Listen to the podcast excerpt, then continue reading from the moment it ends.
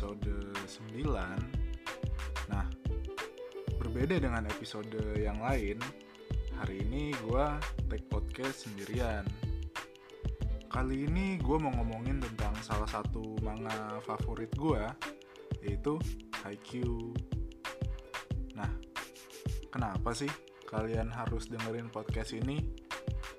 Uh, karena menurut gue ya sedikit berbeda dengan banyak manga lainnya yang alur ceritanya tuh cuman sebatas entertainment menurut gue tuh Haikyuu mengajarkan banyak hal yang benar-benar bisa diaplikasikan ke dunia nyata nah hari ini nih gue mau ngebahas tentang apa-apa aja sih yang bisa dipetik dari cerita Haikyuu atau manga Haikyuu.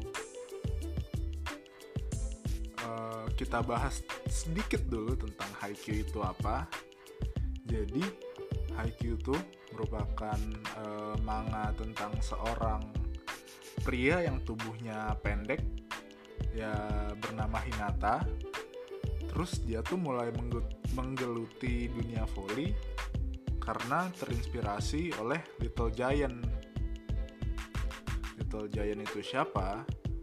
Little Giant itu merupakan sebutan untuk seorang pemain uh, pemain bola voli tentunya yang bertubuh relatif pendek. Cuman uh, di timnya tuh dia yang paling jago gitu. Akhirnya terinspirasi dari itu si Hinata nih masuk ke sekolah yang sama dengan Little Giant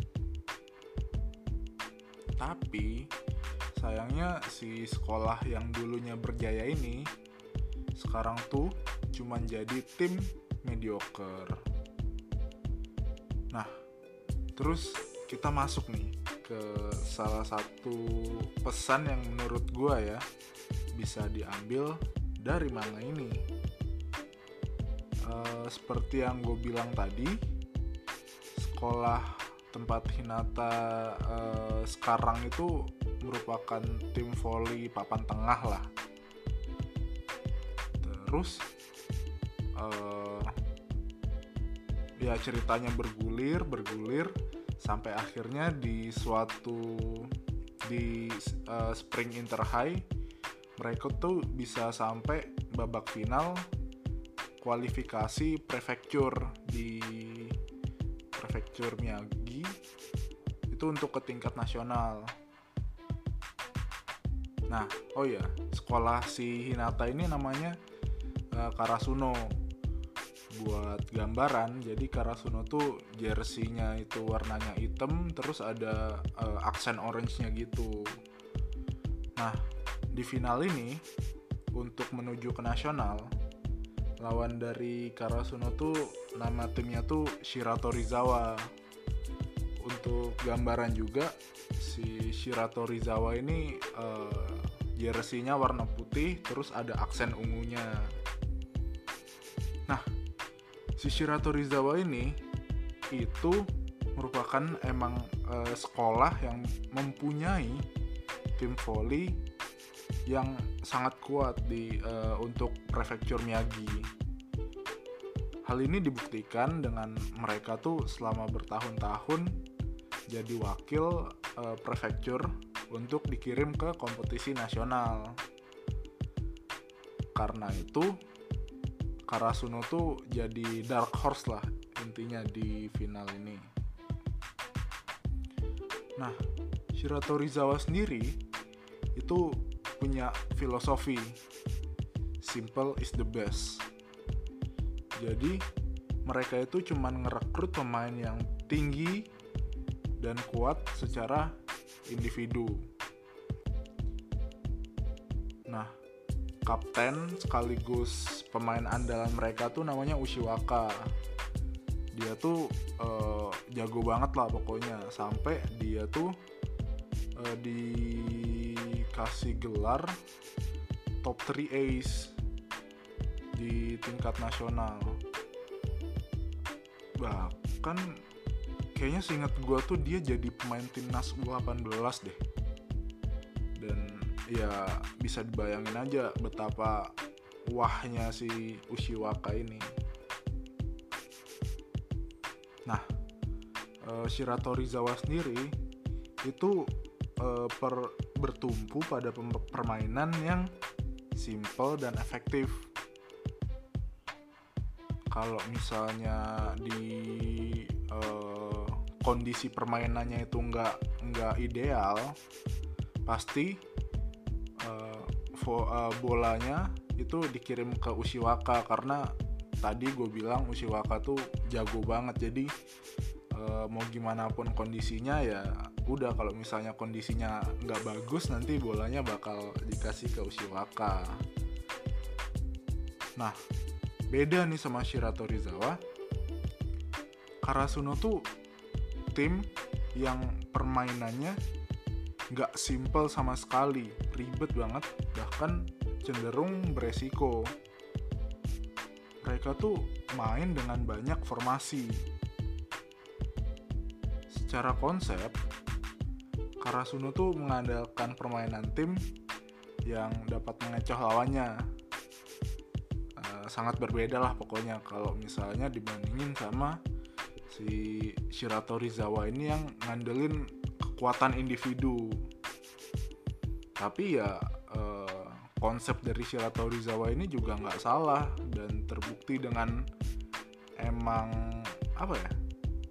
Ya emang permainan mereka efektif dan mereka bertahun-tahun jadi wakil untuk ke tingkat nasional dan Shirato, Shirato Rizawa tuh sangat strict sama konsep mereka. Itu kekuatan tim adalah kekuatan masing-masing individu. Dan pelatih mereka uh, selalu percaya dengan konsep itu. Nah nggak disangka nih si Shirato Rizawa nih mengalami kekalahan dengan skor tipis dari Karasuno yang notabene si Karasuno nih ya uh, dark horse bukan favorit untuk menang. Terus uh, diceritain nih setelah apa waktu skor terakhir yang di yang di score sama Karasuno uh, si pelatih Karasuno yang sebelumnya itu uh, ngomong kayak gini. Memperkuat individu di permainan volley sangatlah penting. Tapi begitu juga mencari jalan baru untuk mengatasi rintangan. Karasuno nih ngalahin kekuatan individu dengan bermacam-macam cara dan ternyata berhasil. Menurut gue ya, yang bisa kita petik adalah betul, sangatlah penting untuk kita improve apa yang menjadi kekuatan kita. Tapi ketika udah kuat, jangan lupa kalau misalnya sebenarnya masih banyak loh hal-hal yang masih bisa kita pelajari untuk overcome the wall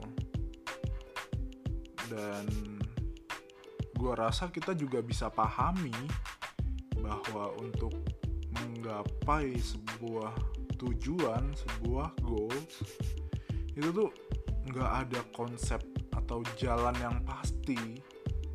Jadi ya kita bisa percaya dengan apa yang kita percayai untuk mencapai goals itu. Nggak usah mikirin apa pers persepsi orang terus jangan puas juga dengan apa yang udah kita percayai ya bisa dibilang try everything lah ya kayak Karasuno yang mencoba banyak hal untuk overcome the wall. Nah, terus uh, apa lagi ya? Oh ya, pelajaran selanjutnya, oh pelajaran lagi. Enggak enggak. Hal yang bisa gua pribadi ambil dari cerita IQ ini ini uh, ceritanya tuh ada pelatihan untuk pemain-pemain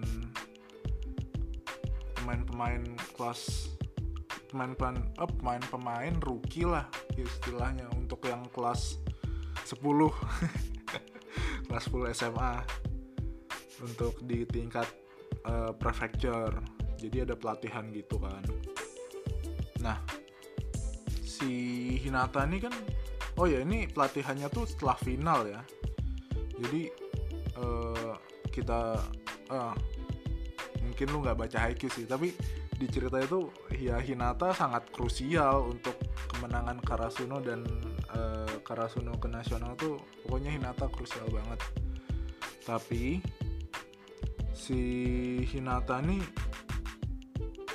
nggak apa ya nggak ternyata nggak diundang ke pelatihan tersebut. Nah ka karena nggak diundang tuh si Hinata tuh malah nyelinap ke pelatihan itu. Ya karena itu dia juga nggak izin ke pelatihannya jadi uh, di lecture lah sama advisor teachernya.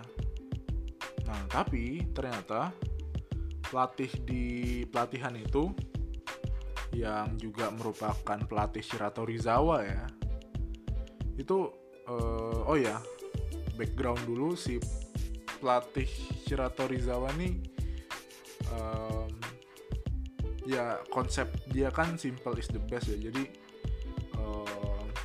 pokoknya uh, hina apa dia nggak suka dengan apa yang Hinata uh, apa konsep dari Hinata dan Karasuno lah se uh, secara general. Tapi uh, unexpectedly si pelatih ini ngebiarin Hinata ya udahlah uh, lu boleh ikut di pelatihan ini. Nah cuman cuman ternyata si Hinata ini cuman boleh jadi ball boy. Uh, untuk konteks ya si Hinata nih pemainnya uh, apa merupakan pemain yang sangat energetik lah. Terus uh, digambarkan juga di manganya kalau misalnya dengan dia menjadi ball boy itu padahal dia mau main kan soalnya dia tuh energetik banget itu merupakan suatu tamparan yang keras lah bagi dirinya. Maksudnya kayak ya ball boy kan di pinggir jalan eh di pinggir jalan lagi di pinggir lapangan doang kan. Kayak ya gue kan mau main bang. Maksud di pinggir lapangan doang sih. Nah, pastilah itu dia frustasi dengan keadaan dia saat itu kan. Uh, dia frustasi, cuman setelah itu dia tuh ngeubah point of view dirinya. Oke, faktanya gue jadi ball boy nih di sini. Terus apa yang bisa gue lakuin? akhirnya si Hinata nih nerima bahwa uh, dia nggak bisa main di pelatihan tersebut nggak bisa ya nggak bisa main volley lah maksudnya nggak uh, bisa main volley di latihan tersebut. Terus apa yang dia lakukan? Yang dia lakukan adalah mengamati semua pergerakan dari uh, partisipan pelatihan tersebut. Dia niruin teknik-tekniknya. Soalnya kan e, di pelatihan ini kan juga banyak pemain yang bisa dibilang jauh lebih kuat dari dia kan karena dia juga jadi ball boy dan orang suruhan dia tuh bisa ngeliat permainan dari atas lapangan tuh dari e, lantai dua lah istilahnya. Terus jadi dia bisa observe gimana sih keberlangsungan dari uh, sebuah pertandingan. Nah dari observasi dia dia tuh belajar. Gimana sih memposisikan diri gua ketika di lapangan? Terus dia juga belajar gimana cara nerima bola yang benar dari observasi. Terus belajar juga hmm, trajektori bola tuh jatuh ke mana kalau misalnya bentuk tangan lu kayak gimana gitu gitulah nah bahkan si Hinata ini ngebantu seorang pemain yang emang masih pemula. Pemain ini namanya Yakuzawa. Kalau gue nggak salah ya. Yakuzawa ya nah untuk gambaran si Yakuzawa ini uh, tingginya 2 meter. Seperti yang gue bilang tadi si uh, pelatih Shirato Rizawa ini emang punya kecenderungan untuk suka pemain-pemain yang tinggi. Walaupun Yakuzawa ini emang uh, masih pemula di volley tapi kan uh, dengan tinggi 2 meter itu merupakan kekuatan tersendiri lah menurut uh, si coach ini. Terus um, ya jelas Yakuzawa uh, di ceritanya tuh Yakuzawa malah malah apa ya malah nggak nggak enak kali ya. Nggak enak sama Hinata karena jelas Hinata uh, lebih lebih apa ya? Lebih hebat daripada dia secara teknik kan. Dan terbukti di latihan itu Yakuzawa tuh yang bisa dibilang tertinggal lah dibandingin sama pemain-pemain lainnya yang emang udah dari bisa dikatakan SD atau SMP main volley kan. Sedangkan Yakuzawa ini oh ya Yakuzawa ini baru mulai main saat dia SMA dan waktu itu dia masih kelas 10 SMA berarti masih kurang dari satu tahun dia uh, belajar volley nah terus Yakuzawa ini uh, doing badly kan di pelatihan ini.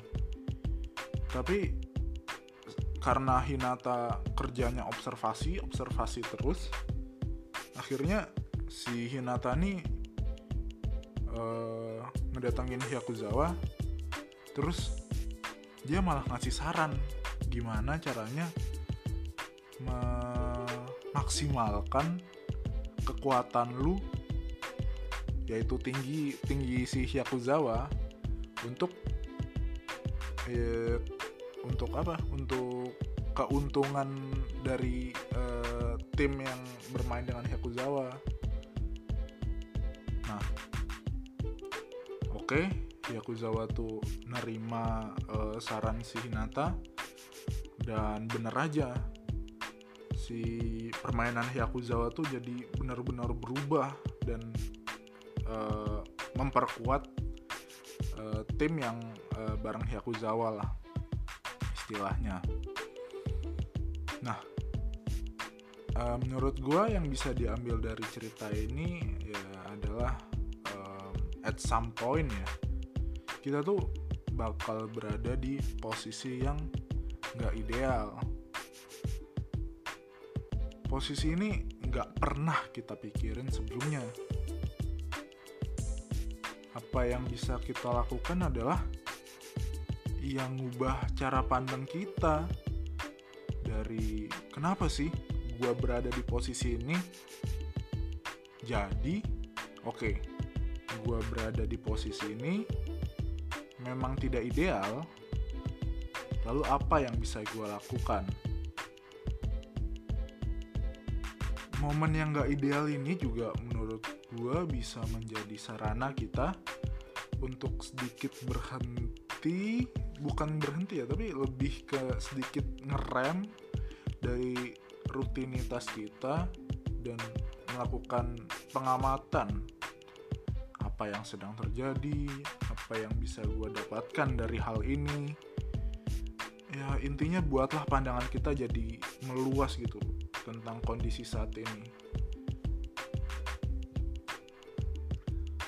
Terus pembelajar pembelajaran lagi apa ya untuk hal yang bisa dipetik selanjutnya itu uh, kita bahas tentang turnamen tingkat nasional nih. Nah, di putaran kedua dari uh, turnamen nasional nih, si Karasuno yang merupakan timnya Hinata itu dipertemukan dengan tim yang namanya Inarizaki. Karasuno yang normalnya itu pakai baju hitam di pertandingan ini makainya jersey orange. Nah, si Na tapi si Narizaki inilah yang make jersey warna hitam. Hmm, gue nggak tahu kenapa ya, mungkin karena sentimen enggak sih biasanya jersey itu gara-gara home away ya tapi seingat gue Narizaki jadi tim away-nya deh. Jadi kayaknya ya kayaknya. Uh, oh ya buat konteks Inarizaki tuh juara dua dari turnamen sebelumnya. Uh, juara dua nasional ya juara dua nasional dari turnamen sebelumnya. Yang pastinya ya kekuatannya nggak diraguin lagi. Tapi yang uniknya menurut gue Inarizaki ini punya moto. We don't need things like memory. Inarizaki selalu menempatkan diri mereka sebagai challenger bukan petahana. Mereka nggak peduli dengan fakta bahwa di turnamen yang lalu mereka adalah juara dua. Karena menurut mereka, titel itu nggak relevan dan nggak bisa membantu mereka untuk menangin pertandingan yang sedang mereka jalankan. Nah, menurut gue, pelajaran yang bisa diambil dari kisah ini kadang tuh kita terpaku dengan masa lalu sampai lupa dengan apa yang sedang kita jalani saat ini. E, karena perlu diingat juga kalau masa lalu itu ya merupakan pengalaman yang udah lewat. Nggak bisa di nggak ada yang bisa diubah dari masa lalu kan. Dan yang terpenting sih menurut gua adalah bagaimana kita menjalankan apa yang sedang ada di depan mata kita saat ini. Nah, terus uh, apa yang bisa dipetik lagi dari Haikyuu ini juga di match yang sama si kapten dari Inarizaki ini dia ngomong I am built upon the small things I do every day, and the result no more byproduct of that. Dari sini kita tuh bisa belajar kalau misalnya siapa kita saat ini dia adalah hasil dari akumulasi hal-hal kecil yang kita lakukan setiap harinya kalau misalnya lu mau improve diri lu ke depannya uh, kita bisa kok doing that uh, improving ourselves by taking small steps every day. Jadi menurut gue nggak ketika kita mau improve ourselves ya nggak butuh perubahan yang bombastis gitu yang dalam waktu singkat. Ya just take small steps every day. Little step little step little step and let us take our time. Terus hmm, pelajaran pelajaran lagi kan. E, hal yang bisa diambil dari kisah ini juga e, salah satunya dari match Karasuno dan Kamomeda itu kalau nggak salah quarter iya quarter final deh. Hebat banget kan Karasuno nih dari uh, tim mediocre terus nggak sampai satu tahun bisa jadi tim yang sampai quarter final di kompetisi nasional. Nah, uh, si Kamomeda ini juga tim dark horse nih di kompetisi ini, sama kayak Karasuno. Nah, uh, yang menurut gue menarik ya di pertandingan ini itu ada salah satu pemain Kamomedai namanya Hirugami. Nah, uh, buat konteks nih, Hirugami itu uh, merupakan pemain yang fleksibel banget terus juga uh, cool headed kan tapi ternyata pas SMP itu dia tuh orang yang sangat berbeda buat konteks lagi dia tuh dilahirin di keluarga yang emang atlet volley semuanya. Kedua kakaknya tuh emang atlet volley yang hebat banget. Terus uh, hal ini tuh ngebuat si Hirugami tuh waktu SMP tuh terlalu rushing things lah dia tuh menargetkan dirinya untuk menjadi seperti kakaknya nah tapi karena dia rushing things itu ngebuat permainan Hirugami tuh kaku dan gak optimal pastinya hal tersebut membuat Hirugami frustasi lah. Nah, di tengah frustasi si Hirugami tuh ada tuh temennya yang nyamperin. Terus dia ngomong gini, you can quit anytime, you know. Kurang lebih gitu kali ya. Pokoknya intinya lu bisa keluar kapan aja bro nggak usah eh, nggak uh, usah nggak usah dipaksain intinya gitulah nah terus jadi Hirugami ini punya pandangan baru tentang apa yang dia lakuin Hirugami believe that no one will die if he mess up. Uh, apa yang dia lakukan ya dia uh, he played for himself only. Can quit anytime. Uh, what happened with uh, the other is out of his control gitu. Dan uh, he have to think about what he can do at that moment karena pandangan inilah akhirnya si Hirugami itu jadi permainannya lebih fleksibel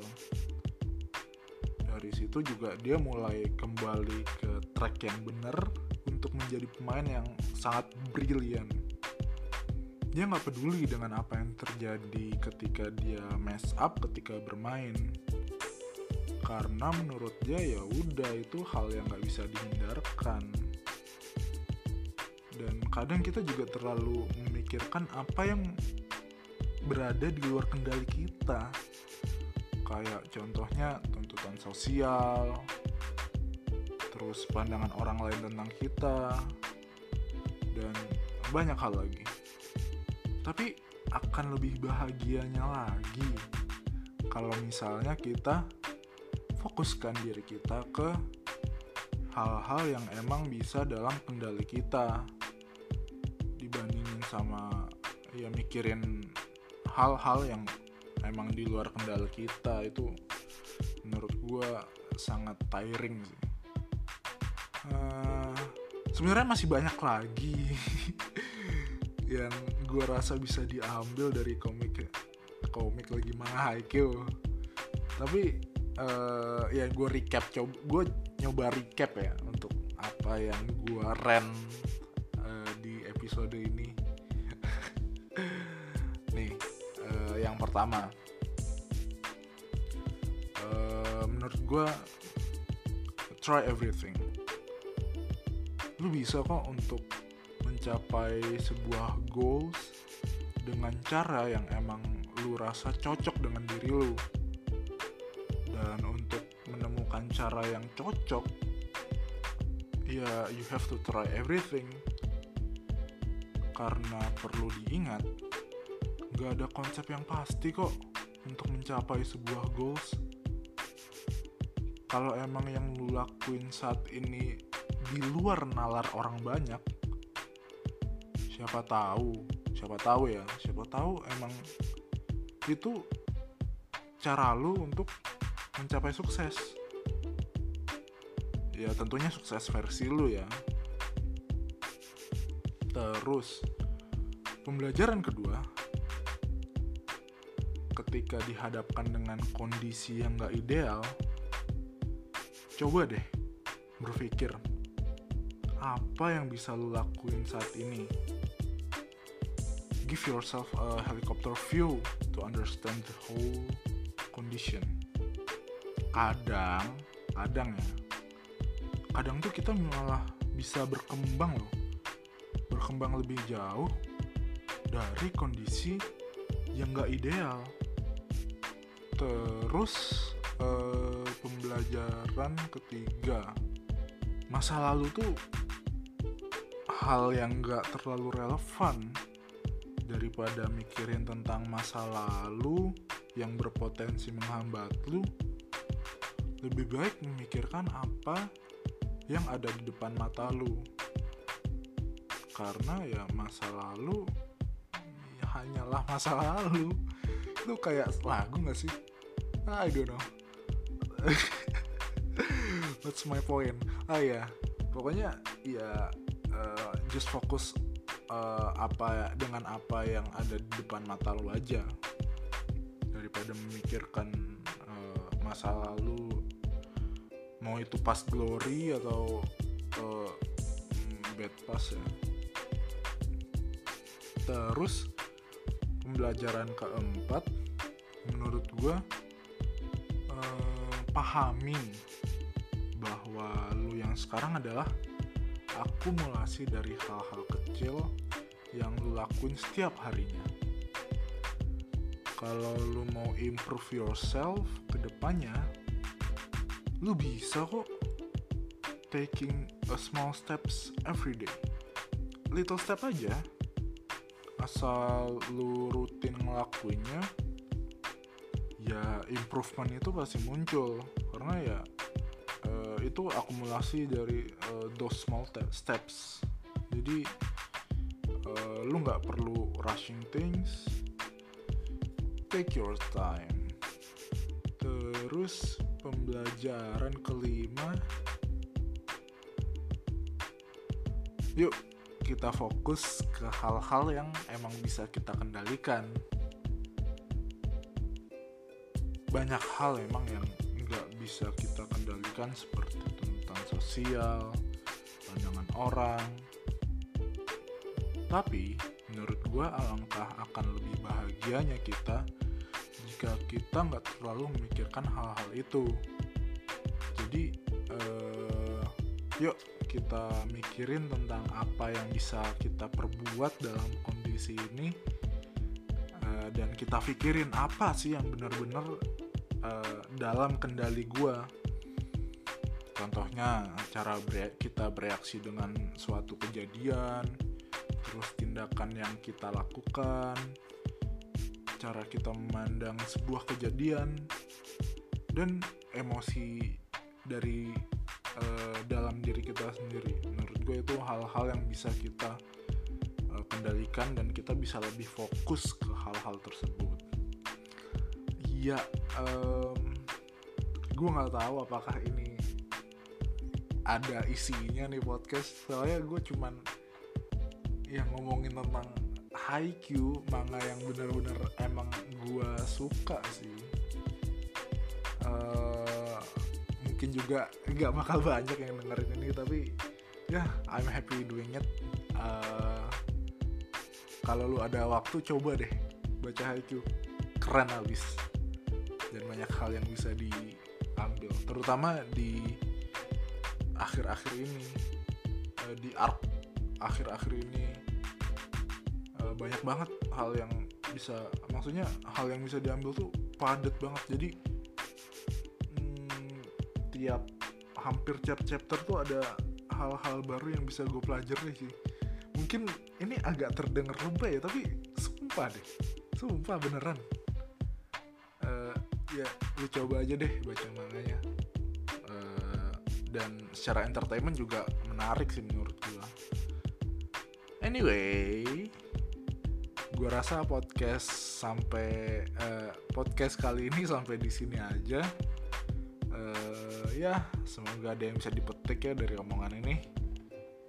Gua Raka pamit dan sampai jumpa di episode berikutnya. Bye bye